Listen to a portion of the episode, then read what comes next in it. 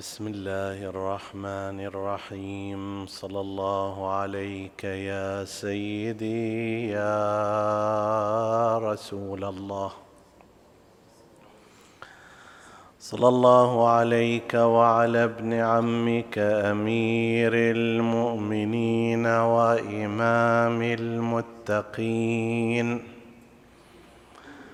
صلى الله عليك يا سيدي وعلى أبنائك الطيبين الطاهرين.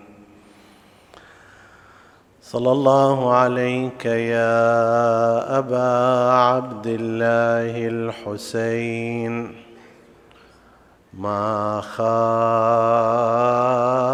من تمسك بكم وأمنا من لجأ إليكم.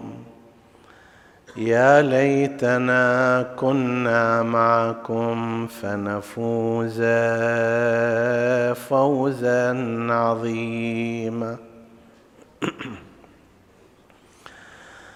جاء في وصية سيدنا ومولانا أبي عبد الله الحسين عليه السلام. إنما خرجت لطلب الإصلاح في أمة جدي. أريد أن آمر بالمعروف وأنهى عن المنكر وأسير بسيرة جدي وأبي. فمن قبلني بقبول الحق فالله أولى بالحق. ومن رد علي أصبر حتى يحكم الله. وهو خير الحاكمين. صدق سيدنا ومولانا أبو عبد الله الحسين. صلوات الله وسلامه عليه. عطروا مجالسكم بذكر محمد وآل محمد.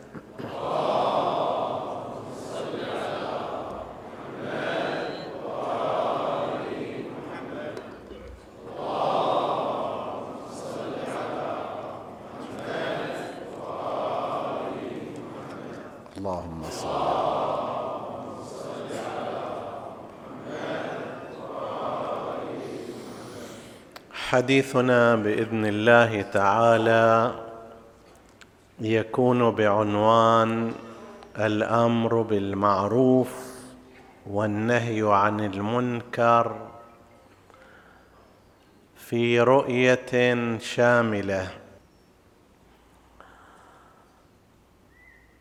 عندما يطلق في هذه الأزمنة عنوان الأمر بالمعروف والنهي عن المنكر يتبادر عادة إلى أذهان الناس صورة يتبادر إلى أذهان الناس صورة معينة هي الصورة النمطية التي صارت عند المسلمين عن القائمين على قضية الأمر بالمعروف والنهي عن المنكر. وهي صورة ليست مما ترغب في هذا المفهوم فإنها بالإضافة إلى التجاوزات العملية والممارسة فيها دائرتها دائرة محدودة وأحيانا غير اتفاقية.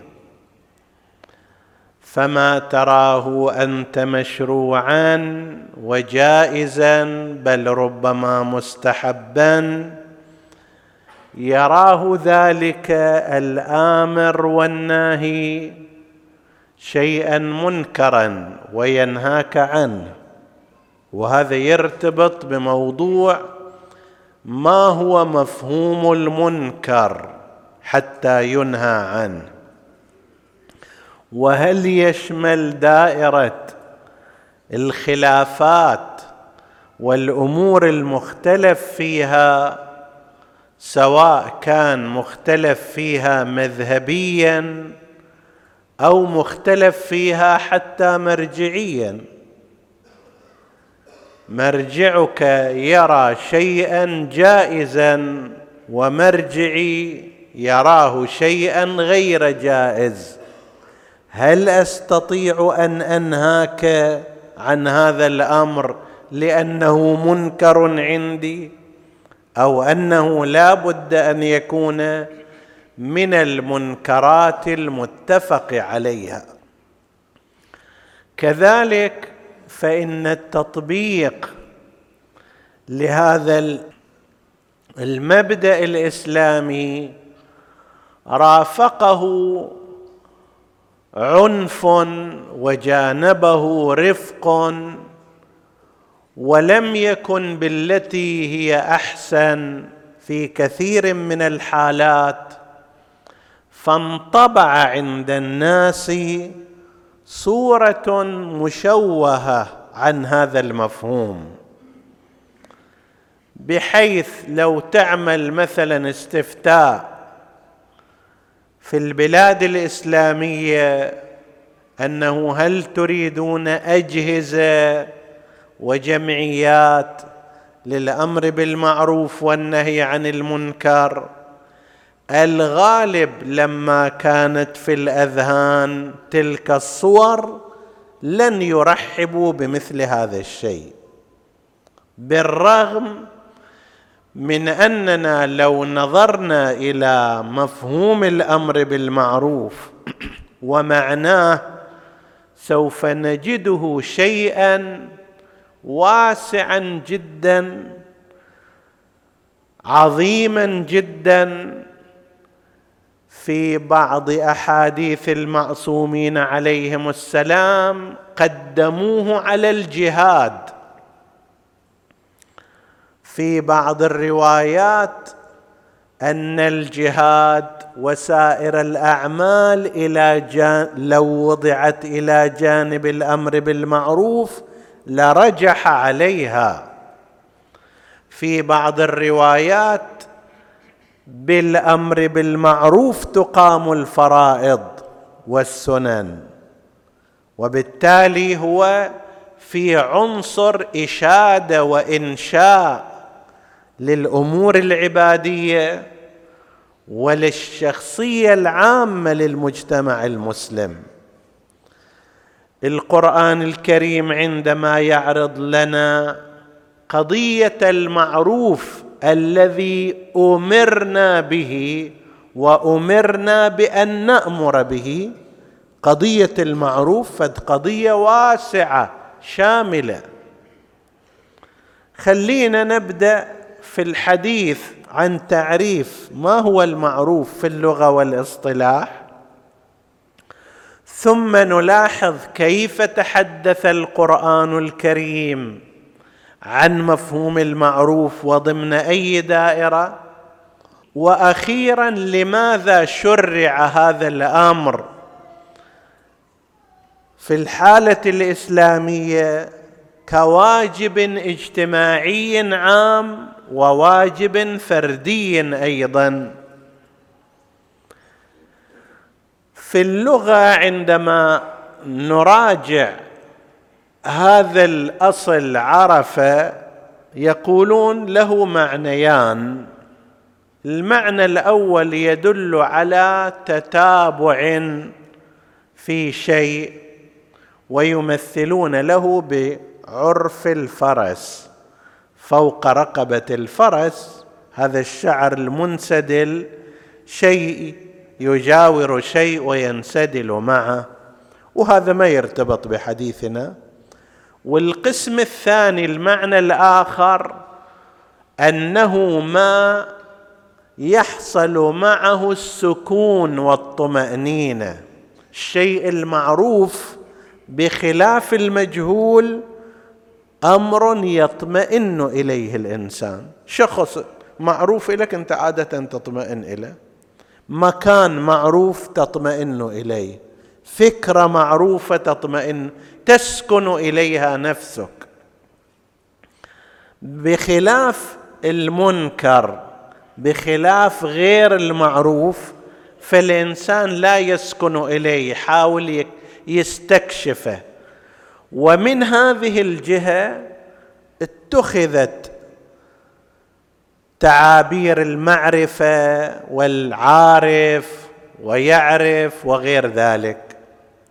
فالشيء مربوط بطمأنينة النفس وسكونها إلى ذلك المعروف إلى ذلك الشيء. في الاصطلاح عندنا المعروف هو كل ما كل ما أمر به شرعا. بأمر وجوبي أو ندبي. بناء وسكن إليه العاقل وأرشد إليه العاقل. بناء على هذا العبادات كلها تدخل فيها الإطار لأنه تسكن إليها النفس من جهة وأمر بها شرعا من جهة أخرى. تدخل فيه أيضا الأمور المستحبة كذلك. بل يدخل فيه غير هذا كما سنأتي عليه في الحديث عن آيات القرآن الكريم. في القرآن الكريم وردت هذه الكلمة في سبعة وثلاثين موضعا. منها ما يرتبط بتكوين وبناء الأسرة كأن القرآن الكريم جعل العماد لها المعروف. ووجه الناس إلى أن تكون أمورهم في قضية الأسرة مؤطرة بالمعروف. فبدأ بقضية المهر قال وآتوهن أجورهن بالمعروف. المهر اللي تقدمه إلى الزوجة شقد لازم يكون؟ أي مقدار؟ واحد يقول أنا بنتي اغلى مو أي مو أي بنت أنا بنتي أبغى مهر إليها مليون وقليل في حقها بعد. هي تساوي وزنها ذهبا. يقول لك لا هذا ليس بمعروف. أو بالعكس عندما يأتي إنسان آخر فيبخسها. مهرها لك هذه برطبه ومشي الحال. طيب. المعروف هو ما تعارف في كل زمن وفي الأماكن المختلفة واطمأنت إليه النفس وسكنت إليه. هذا هو المتعارف. المعروف هو المتعارف. لا أغلى شيء ولا أدنى شيء. هذا في الصداق والمهر. لما تريد تبدأ في قضية المعاشرة مرارا وتكرارا أوصى القرآن وعاشروهن بالمعروف. في أكثر من موضع نصح ووجه بأن تكون عشره بمعروف. حتى النفقه أيضا. وعلى المولود له رزقهن وكسوتهن بالمعروف. ليش ما قال هنا مثلا ثلاثة دراهم في كل شهر؟ ليش ما قال ثوب في الصيف وثوب في الشتاء؟ لأن الظروف تتغير وما كان صالحا في وقت من الأوقات وكافيا قد لا يكون كذلك في وقت آخر. وما كان صالحا ومناسبا في مكان قد لا يكون كذلك في مكان آخر. لكن المعروف في كل زمان ومكان لا يتغير. الآن المعروف هو المتعارف. يكون عند النزاع يابا أنا أريد مصرف في الشهر خمسة آلاف يقال لا هذا ليس من المعروف. ليس مما تسكن إليه النفوس. أو لا أريد أعطيك خمسة ريالات مصرف شهر يقال له كلا هذا ليس من المعروف. فالقرآن إجوا حتى قضية النفقة ما ربطها بالمقدار وإنما ربطها بهذا المفهوم بمفهوم المعروف.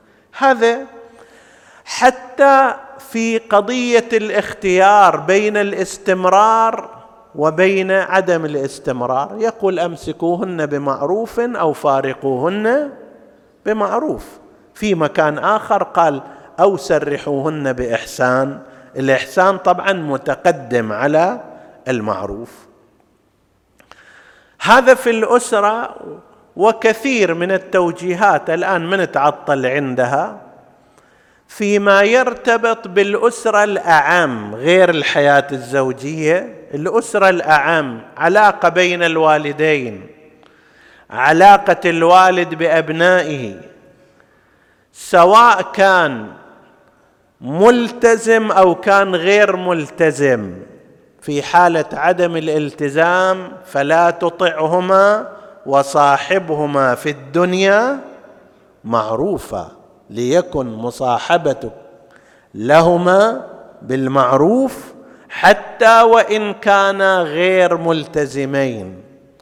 الأب إذا يريد أن يوصي لأحد كتب عليكم إذا حضر أحدكم الموت إن ترك خيرا الوصية للوالدين والأقربين بماذا؟ بالمعروف حقا على المتقين. فتشوف في الأسرة الأعم هكذا المعروف أيضا يأتي. لما تروح إلى قضية الولايات ولاية على أيتام ولاية على قصر صغار أنا أدير أموالهم. الآن إيش قد آخذ من هذا المال؟ أجرة ربع ثلث نصف أكثر أقل. يقول لي إذا أنت تتعفف أحسن الك ولكن إذا كنت فقيرا فليأكل بالمعروف. أخذ من هذا ولكن ليكن ذلك اخذا بالمعروف. ما نحدد لك مقدار ثلث وربع وأكثر وأقل؟ لاختلاف الأزمنة والأمكنة ومقدار المال ولكن نحدد مفهوما وقانونا وهو أن يكون الأكل بالمعروف. وهكذا تروح إلى غير ذلك في الأمور المستحبة. صدقة. عندما تريد أن تتصدق تارة يكون عندك مال أعطي هذا المال من غير من ولا أذى. وتارة لا يكون لديك على الأقل في ذلك الوقت ما شايل فلوس. هنا يقول لك قول معروف ومغفرة خير من صدقة يتبعها أذى. بعضهم لا سمح الله إذا واحد إجا فقير أو دوختونا هالطرارة ما نخلص من عندكم يلا ها خذ هالعشره ويذبها عليه. أحسن من هذه ذاك الأول قول معروف أنت امنع عنه هذا الأذى وهذا التهجم ولا تعطيها العشرة لكن قل له الله يغنيك ويوسع عليك من فضله.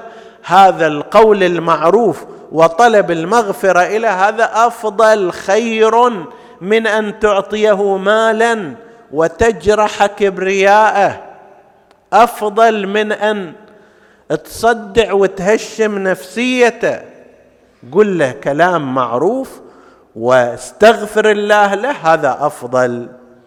ففي العطاء أيضا مطلوب القول المعروف في القصاص. يعني أنت شوف لاحظ من الأسرة إلى الولايات إلى الصدقات إلى القصاص.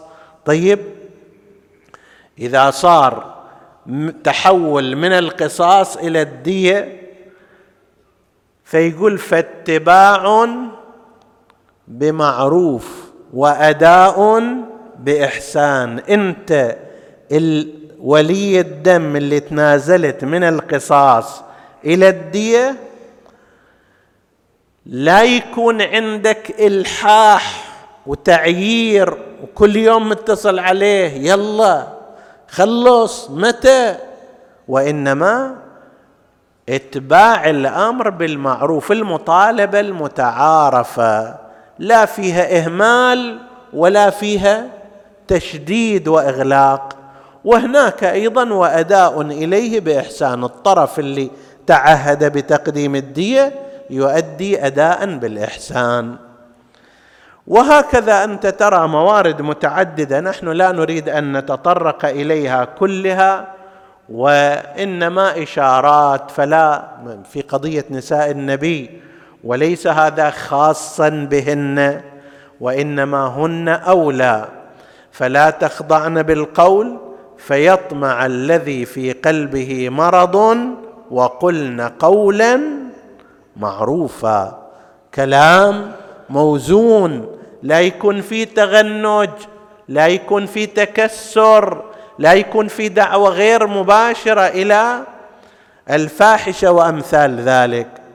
زين هذه الدائره دائرة واسعة صارت إذن ولا سيما مع التعريف بأنه كل ما أمر به من الناحية الشرعية وجوبا أو ندبا فهو من المعروف. إذا كان هالشكل صارت دائرة دائرة كبيرة دائرة عامة دائرة شاملة. فيتبين أن هذه الصورة التي هي موجودة في أذهان المسلمين عن الأمر بالمعروف بما يلحظ من ممارسات فردية خشنة عنيفة في قضايا جزئية. هذه ليست هذه الصورة القرآنية. من الصور التي يشملها هذا تقدم في دائرة المجتمع المسلم. تقدم العلمي تقدم الاقتصادي تقدم الاجتماعي هذه كلها من المعروف التي ينبغي أن يؤمر به وأن يسعى فيه وهو على مستوى الأمة ليس فقط على مستوى الأفراد. والله فلان سوى عمل مخالف أنا أروح إليه وأحكي وياه هذا معناه أمر بمعروف ونهي عن منكر. نعم هذا جزء في الأمور الفردية لكن هذا ليس كل الأمر بالمعروف ولا النهي عن المنكر. لذلك أنت تجد في القرآن الكريم عندما يتحدث عن ميزات الأمة الإسلامية وعن جهة تفوقها وخيريتها على سائر الأمم ماذا يقول؟ يقول كنتم خير أمة أخرجت للناس لماذا؟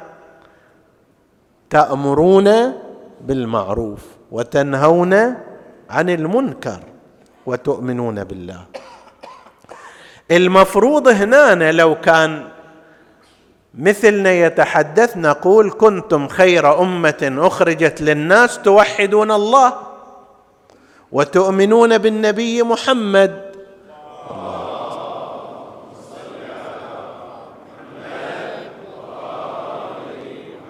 وتصلون الفرائض الخمس. هذه ميزات الأمة الإسلامية على سائر الأمم. لكن وجدت القرآن يعدل عن ذلك ويتبع السبب بالمقدمة. كنتم خير أمة أخرجت للناس. لماذا؟ تأمرون بالمعروف وتنهون عن المنكر. هذه الصفة هل معناها فعلا أنه إذا شفت واحد شعره طويل تعالوا شيله منه مثلا؟ أو شفت لنفترض واحد مأخر صلاته تقول له لا تأخر الصلاة بس لهذا؟ لا وإنما أوسع وأشمل دائرة. الإمام الحسين عليه السلام إنما خرجت لطلب الإصلاح في أمة جدي ماذا تريد؟ أريد أن آمر بالمعروف وأنهى عن المنكر. يتبين هذا فد شيء عظيم جدا اللي يريده الإمام الحسين عليه السلام. الإصلاح السياسي اللي يطلبه الإمام الحسين هو جزء من المعروف. ولاية يزيد ابن معاوية على هذه الأمة وولاية الظالمين الذين يخاطبهم الإمام الحسين وإني لا أعلم فتنة على هذه الأمة أشد من ولايتك عليها. هذا هو المنكر الذي ينهى عنه الإمام الحسين. أحد مناحي المنكر أحد تجليات المنكر هذا الفساد الفساد المالي في الأمة من أوضح مصاديق المنكر الذي ينبغي أن ينهى عنه هو الفساد المالي.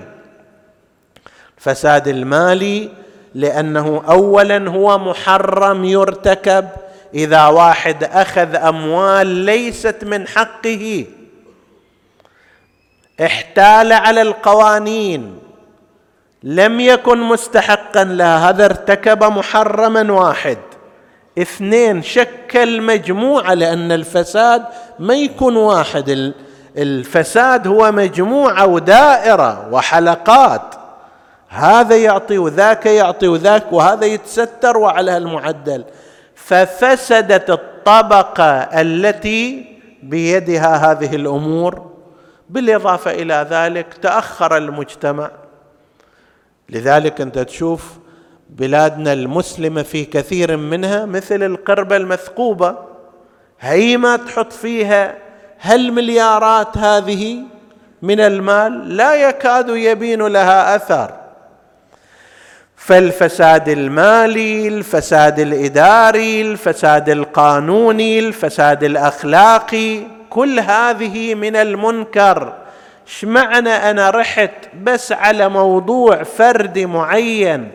لشخص ضعيف وقليل القوة ورحت حتى آمره بالمعروف وأنهاه عن المنكر. كلا وإنما المفروض أن يكون الأمر أوسع دائرة. فاولا في مفهوم الأمر بالمعروف والنهي عن المنكر هناك فاصلة كبيرة بين ما نجده في تقديم القرآن الكريم له اللي يجعل خيرية الأمة مربوطة به. يأمر ولتكن منكم أمة يدعون إلى الخير ويأمرون بالمعروف وينهون عن المنكر. أمر أن هذه الأمة تتشكل في إطار الأمر بالمعروف والنهي عن المنكر. يصف المؤمنين بأنهم الآمرون بالمعروف الناهون عن المنكر من أوضح خصائصهم وخصالهم. وهذا على مستوى الأمة مو على مستوى أفراد. ليش القرآن الكريم ولماذا التشريعات تتوجه إلى هذا الاتجاه؟ الشعوب والأفراد على قسمين. قسم بلا إحساس تجاه الحسن والخطأ ما لم يرتبط به. وقسم آخر لا عند إحساس تجاه ما يحدث حوله. واحد يقول ما دام أنا في شغلي وآكل هاللقمة الحمد لله وأستريح في بيتي ما لي شغل في أحد حضر زيد أو غاب عمرو ما عندي شغل في أحد ابدا. شي يصير في المجتمع الفساد يسود هذا لا يهمني أنا قاعد أصلي. صلاح يسود هذا أيضا أنا ما أشارك فيه لأن أنا أقوم بواجباتي. هذا قسم. وقسم آخر لا اللي يريد يربيه الدين أن يكون ذا حساسية تجاه ما يحيط به. فإذا رأى شيئا حسنا تفاعل معه. أيده بقلبه نصره بلسانه ساعده بيده تعاطف معه جعل نفسه جزءا منه. وهذا ما يذكرنا به حديث جابر بن عبد الله الأنصاري عن نبينا المصطفى محمد.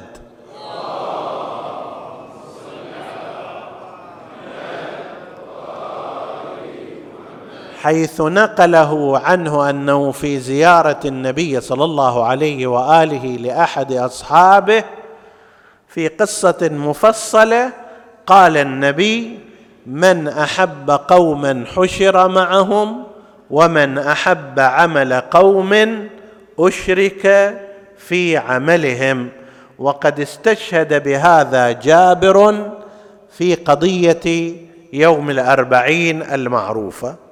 وقال أشهد انا شاركناكم فيما كنتم فيه لما اعترض عليه تلميذه وراويته عطية ابن سعد العوفي. قال له كيف والقوم قد فصل بين أجسادهم ورؤوسهم ونحن لم نعلو؟ جبلا ولم نهبط واديا؟ قال سمعت من رسول الله أنه قال كذا. فإذا واحد يحب عمل خير يتفاعل معه يتحسس به يؤيده ولو على مستوى القلب يحسب مشاركا. جماعة من الناس يحفظون القرآن يتلون القرآن. أنت تسمع عن هذا إن استطعت أن تشجع هذا المعروف بلسانك وأن تدعو إليه جيد. استطعت أن تمد يدك بالنفقة وبالدعم وغير ذلك فهذا أمر أحسن.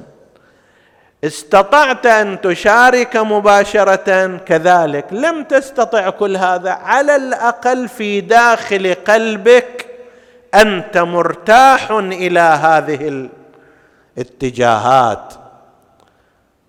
تستشعر الرضا عنها. مأتم الحسين عليه السلام كذلك.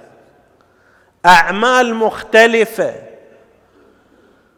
أي عمل صالح إذا رأيته من أناس تعاطفت معه تفاعلت معه كأنك هنا في درجة من درجات الأمر بالمعروف والنهي عن المنكر وإن كان ذلك أضعف الإيمان. وفي المقابل إذا عمل سيء إذا تجاوز على حقوق الله أو على حقوق الناس أنت لا ترتاح إلى ذلك. تمتعض تنتقد هذا من درجات الأمر بالمعروف والنهي عن المنكر.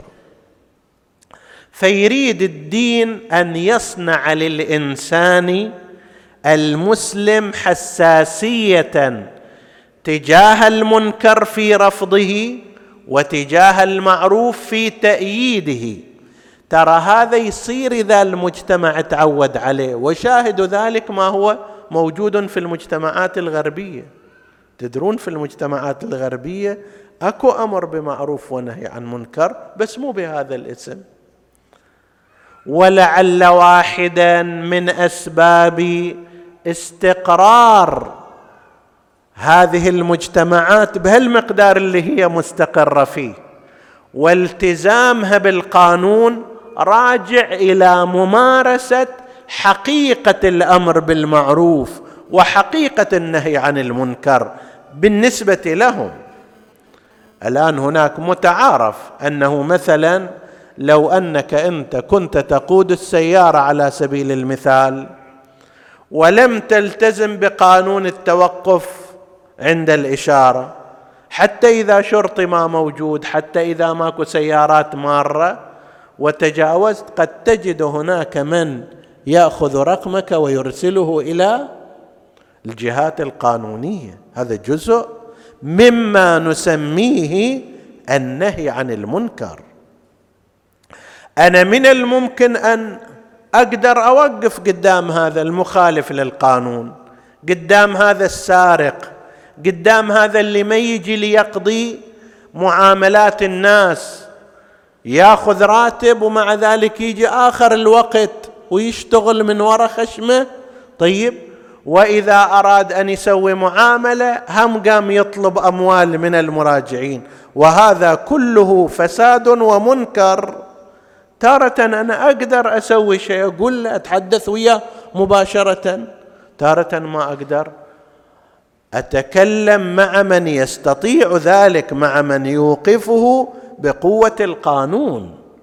هذا من النهي عن المنكر. وهذا واحد من أسباب التقدم الموجوده في تلك البلاد.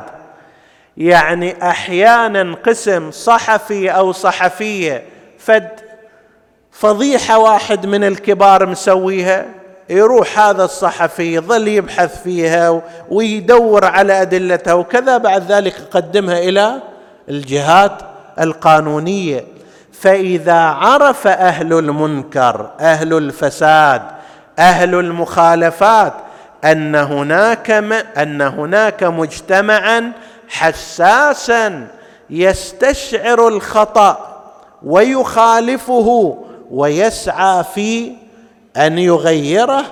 هذا المجتمع يتقدم بلا شك. وإذا لا أنا مالي شغل هسه ذاك ياخذ فلوس أنا معطيه وغيري يعطيه وهذا. ويتشعب أخطبوط الفساد في كل مكان.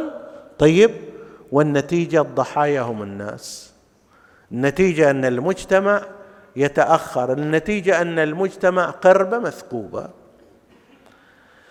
فالدين يريد أن يصنع من الإنسان المسلم كائنا حساسا يستشعر الخير والمعروف ويشجعه يشارك فيه يعمل على اشاعته وفي المقابل المنكر يمقته بقلبه ينتقده بلسانه يحاول تغييره بما يستطيع. هنا الشرع اجى وقال هي درجات أيضا درجات بلسانه بيده هذه أقصى الدرجات. سؤال بلسانه يعني فقط هذا هاللسان أقول سوي ولا تسوي؟ لو لا. المقصود بلسانه يعني بكل وسيلة إعلامية ممكنة أنا أقوم بالأمر بالمعروف والنهي عن المنكر. شفت على سبيل المثال مواقع ضارة على الإنترنت في المجتمع. أروح أنهى عن الذهاب إليها وأسس مواقع مقابلة صالحة وهادية ومرشدة. مع أنني هنا لا أستخدم لساني هذا العضو المعهود. طيب اشكل جمعيات ضمن إطار القانون لأنه تعلمون خصوصا في قضية التصدي للمنكر باليد مع كون الدول في هذه الأزمنة الدول الحديثة أصبحت لا تقبل بأن يتصدى غير من يرتبط بها لممارسة القوة في المجتمع. من أساسيات الدول الحديثة هذا لذلك تشوف السلاح مثلا ممنوع في كل بلد حتى في البلاد التي يسمح فيها يقول لك يسمح بترخيص. ليش؟ لأن السلاح قوة ولا يمكن أن يتاح بأيدي الناس يصفون حساباتهم فيما بينهم. القوة بيد السلطة. ممارسة القوة في المجتمع هي أيضا هكذا. طيب الإنسان من خلال ما يتيح له القانون والسلطة يقوم بتأسيس الجمعيات والاتجاهات والمواقع الإعلامية الفضائيات غير ذلك كلها ضمن إطار قانوني لإشاعة المعروف والدعوة إليه ولمحاربة المنكر والنهي عنه.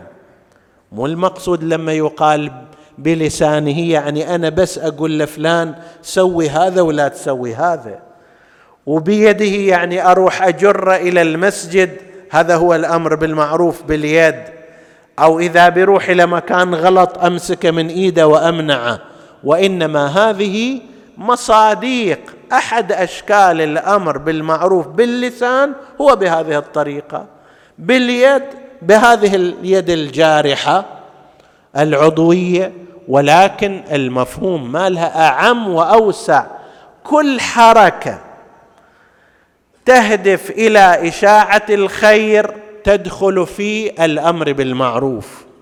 كل حركة تدخل إلى منع الشر والفساد والمنكر تدخل في قضية النهي عن المنكر. ولعلك أنت وانت تقومان بالأمر بالمعروف والنهي عن المنكر بشكل يومي. إذا أخذناه بالمفهوم العام هذا أمر من الأمور التي ينبغي الالتفات إليها في قضية الأمر بالمعروف والنهي عن المنكر. أكو هناك قضية وهي لا بد من معرفة المنكر والمعروف وأن لا يكون امرا خلافيا وأشرت إليه في أول الحديث. كثير الآن من المشاكل الموجودة في بلاد المسلمين مرتبطة بهذا الموضوع. إما بناء على اختلاف مذهبي أنا أروح إلى زياره المعصومين عليهم السلام. باعتبار أن مذهبي يرى ذلك مستحبا ومؤكدا. وأنت ترى بحسب مذهبك أن هذا أمر غير مشروع وأنه لا تشد الرحال إلا إلى ثلاثة مساجد. لا يصح منك أن تنهاني عما أنا ذاهب إليه. ليش؟ لأن هذا مو منكر عندي. منكر عندك انت اعمل على طبق ما تراه في مذهبك لا تروح الزيارة. أنا عندي مستحب عندي مشروع عندي يثاب عليه الإنسان فلا يحق لأحد أن ينهاني عنه. نعم تقدر تجي تناقشني نقاش علمي حتى تثبت لي إن ثبت أن هذا أمر غير مشروع ذاك الوقت نتفق معك. لذلك يقولون الأمر بالمعروف والنهي عن المنكر لازم يكون في المسائل الاتفاقية. زيد يقلد مرجعا مثلا هذا المرجع يجيز حلق مثلا العارضين في اللحية مثلا. ما يشترط أن تكون اللحية كاملة. أنا مرجعي لا. يقول لا بد من أن تكون كاملة. لا يصح أن أجي وأقول له ترى أنت إنسان غير متدين وما ملتزم بالشرع لأنك تحلق عارضيك. ليش ما أقدر أقول له؟ لأن هذه مسألة خلافية فقها بين مرجعي وبين مرجعك. أنت تراه لا يصح ولا يجوز اعمل فيه. أنا أراه بحسب فتوى مرجعي جائز ومباح لا يحل لك أن تنهاني لأن النهي يجب أن يكون عن المنكر وهذا عندي ليس بمنكر. وعلى هذا المعدل فقس على مستوى المذاهب على مستوى المراجع والاتجاهات. هذا أمر من الأمور المهمة. لذلك يشترط شروط كما ورد في الروايات بالنسبة إلى من يأمر بالمعروف وخصوصا في الأوامر الفردية. منها من الأحاديث ما ورد عن نبينا المصطفى محمد.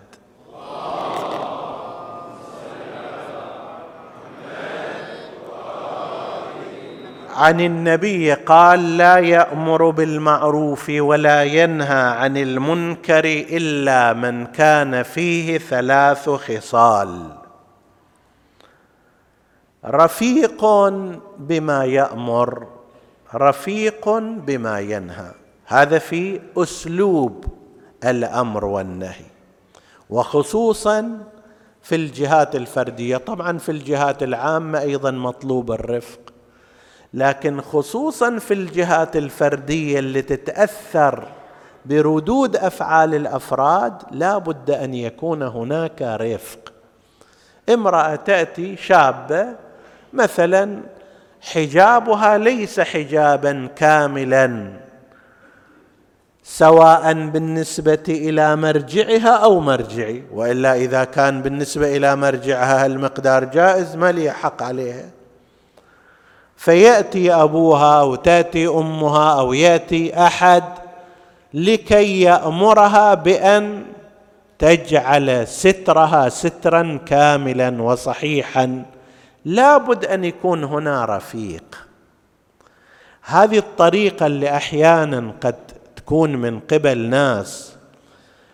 يجي يقول له واحد شوف إنسان قاعد يصلي مثلا بسرعة ما عنده طمأنينة ما عنده سكينة. يقول له هذه صلاة هذه؟ أما تصلي عدل ولا اطلع من المسجد؟ هذا عن حساب أمر بمعروف أو نهى عن منكر. رده الفعل عادة عدم الاستجابة. وإحنا عندنا مشكلة أحيانا كثيرة يعني مصائر أشخاص تتحدد على هذا. شاب يجي في المسجد بلباس مثلا في رأيي مو لباس مناسب زايد. فأقول له أنت شنو جاي في غرفة نوم حتى جاي في هالمكان هذا؟ روح البس عدل. وهذا فعلا يطلع وما يرجع أصلا لا إلى المسجد ولا إلى غيره من المساجد. أنا جنيت عليه بهذه الطريقة. اي ما أحسن هذا الأسلوب؟ أو أسلوب آخر رفيق؟ هادئ. طيب اللي من اللطف أنا اللي مسويه بأسلوبي بعد يخجل أن ما يستجيب. تشوفوا في القرآن الكريم في قضية أصحاب الكهف فد عبارة ممكن نمر عليها وأحيانا ما نتوقف عندها مع أنها منهج حياة. قال وليتلطف ولا يشعرن بكم احدا كل شيء في حياة الإنسان إذا يقدر ياخذه على طريقة وليتلطف. أكو هالشغله لها ثلاثة أساليب أربعة أساليب؟ اختر ألطف الأساليب وإن كان أصعبها وإن كان أبعدها وأكثرها قيمة. لأن هذا يخلي هذا الإنسان يتأثر ويستجيب لك أنت موت. ليس المطلوب منك أن تسجل موقف. اي قلت له.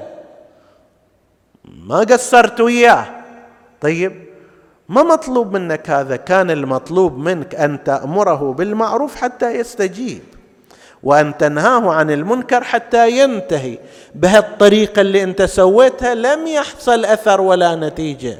فجهدك ضائع.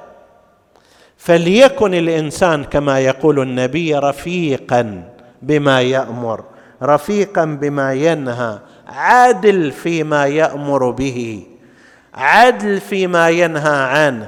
أحيانا الإنسان ينتقد فد واحد فلا يعطي له أي حق لنفترض هو في الركوع مثلا أسرع أنا أقول له هذه صلاتك من أولها لاخرها ما فيها فائدة. هذه مو عدالة. شغل سواه عمل من الأعمال في إحدى فقراته كان ليس بالنحو الأكمل. أقول لك كل شغلك هذا ما يفيد. هذه ليست عدالة. تقول له هذا القسم منك كان جيدا هذا القسم يحتاج إلى تجويد وتحسين حتى تكون عادل. ومن العدالة أن تلتزم بما تنهى أن تلتزم بما تأمر به قدر الإمكان حتى لا يصير كبر مقتا عند الله أن تقولوا ما لا تفعلون. وعالم بما ينهى بما يأمر به عالم بما ينهى عنه كما يقول نبينا محمد صلى الله عليه وآله خرج الحسين عليه السلام عنوان ثورته الأكبر أريد أن آمر بالمعروف وأنهى عن المنكر. هاي الشغل اللي سواه الحسين وهالامتداد اللي إلى يومنا هذا هذا كله من المعروف.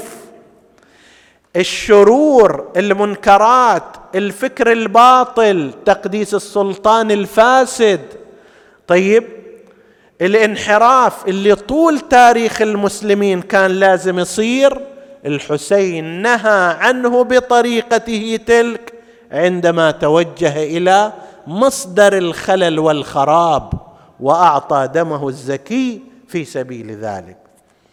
الحسين مو بس قال إلى يزيد لا تسوي ولا تعمل لا بعمله بشهادته إلى يومنا هذا خط المعروف لا يزال قائما وخط المنكر منتكس بقتله فاح للإسلام. نشر نشر هدى فكلما ذكرته المسلمون ذكى تضوع انتشر هذا الطيب من الحسين عليه السلام. خرج الحسين والتحق معه تلك الصفوة التي وصفها بأنه لا يعرف اصحابا خيرا منهم ولا أهل بيت أبر منهم. يا أبا عبد الله أصحاب أبيك أمير المؤمنين عليه السلام أنت تعرفهم. أصحاب جدك رسول الله أنت تعرفهم. لا لا أعرف اصحابا أو لا أعلم اصحابا خيرا من أصحابي ولا أهل بيت أبر من أهل بيتي. يكفيك إن تشوف الصمود والنسبة أصحاب رسول الله في أحد كم نسبتهم إلى المشركين؟ وأصحاب الحسين في عاشوراء كم نسبتهم إلى الأمويين؟ هنا نسبتهم واحد إلى ثلاثمائه ومع ذلك صمدوا وثبتوا وهناك لا تكون هذه النسبة ومع ذلك فر بعضهم فرارا كبيرا. وين الأحسن؟ كمجموع هذا المجموع أحسن. هناك في أحد كان هناك احتمال الحياة والبقاء والانتصار وأنه النبي يحصل على النصر ولو بنسبة مع ذلك فر أولئك. هؤلاء ما كان هناك أي نسبة ومع ذلك صمدوا وضحوا أقدموا على الموت. يستحق هؤلاء أن يقف عندهم. التاريخ مقدسا ومقدرا. فئة إن تعاور النقع ليلا. اطلعوا في سماه شهب الرماح وإذا غنت السيوف وطافت أكؤس الموت وانتشى كل صاحي. باعدوا بين قربهم والمواضي وجسوم الأعداء والأرواح. أدركوا بالحسين. أكبر عيد فغدوا فيه من الطفوف أضاحي. ما أن تصلهم النخوة والنداء إلا ويتبادرون. هذا حبيب بن مظاهر الأسدي الساعد الأيمن للم... لمسلم ابن عقيل. بعد أن بدأت الاعتقالات في الكوفة اختفى في بني أسد.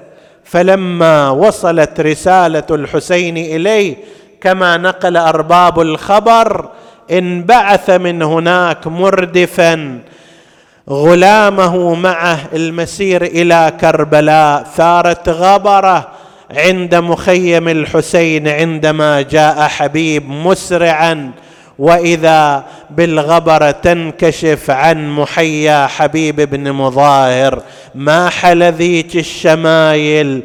يوم وصل كربلاء وقام أبو فاضل اله باولاد أخوه يستقبله مرحبا يقول له الشهيد وزينب تقول له هلا. وصل مستبشر لابو سكنة وتسلم رايته.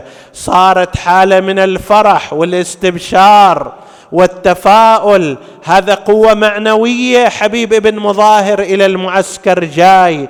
سمعت زينب حالة الفرح هذه. تسأل علي الأكبر من القادم إليكم؟ قال لها هذا حبيب بن مظاهر شيخ الشيعة في الكوفة قد أقبل. قالت له اذا بلغه عني السلام.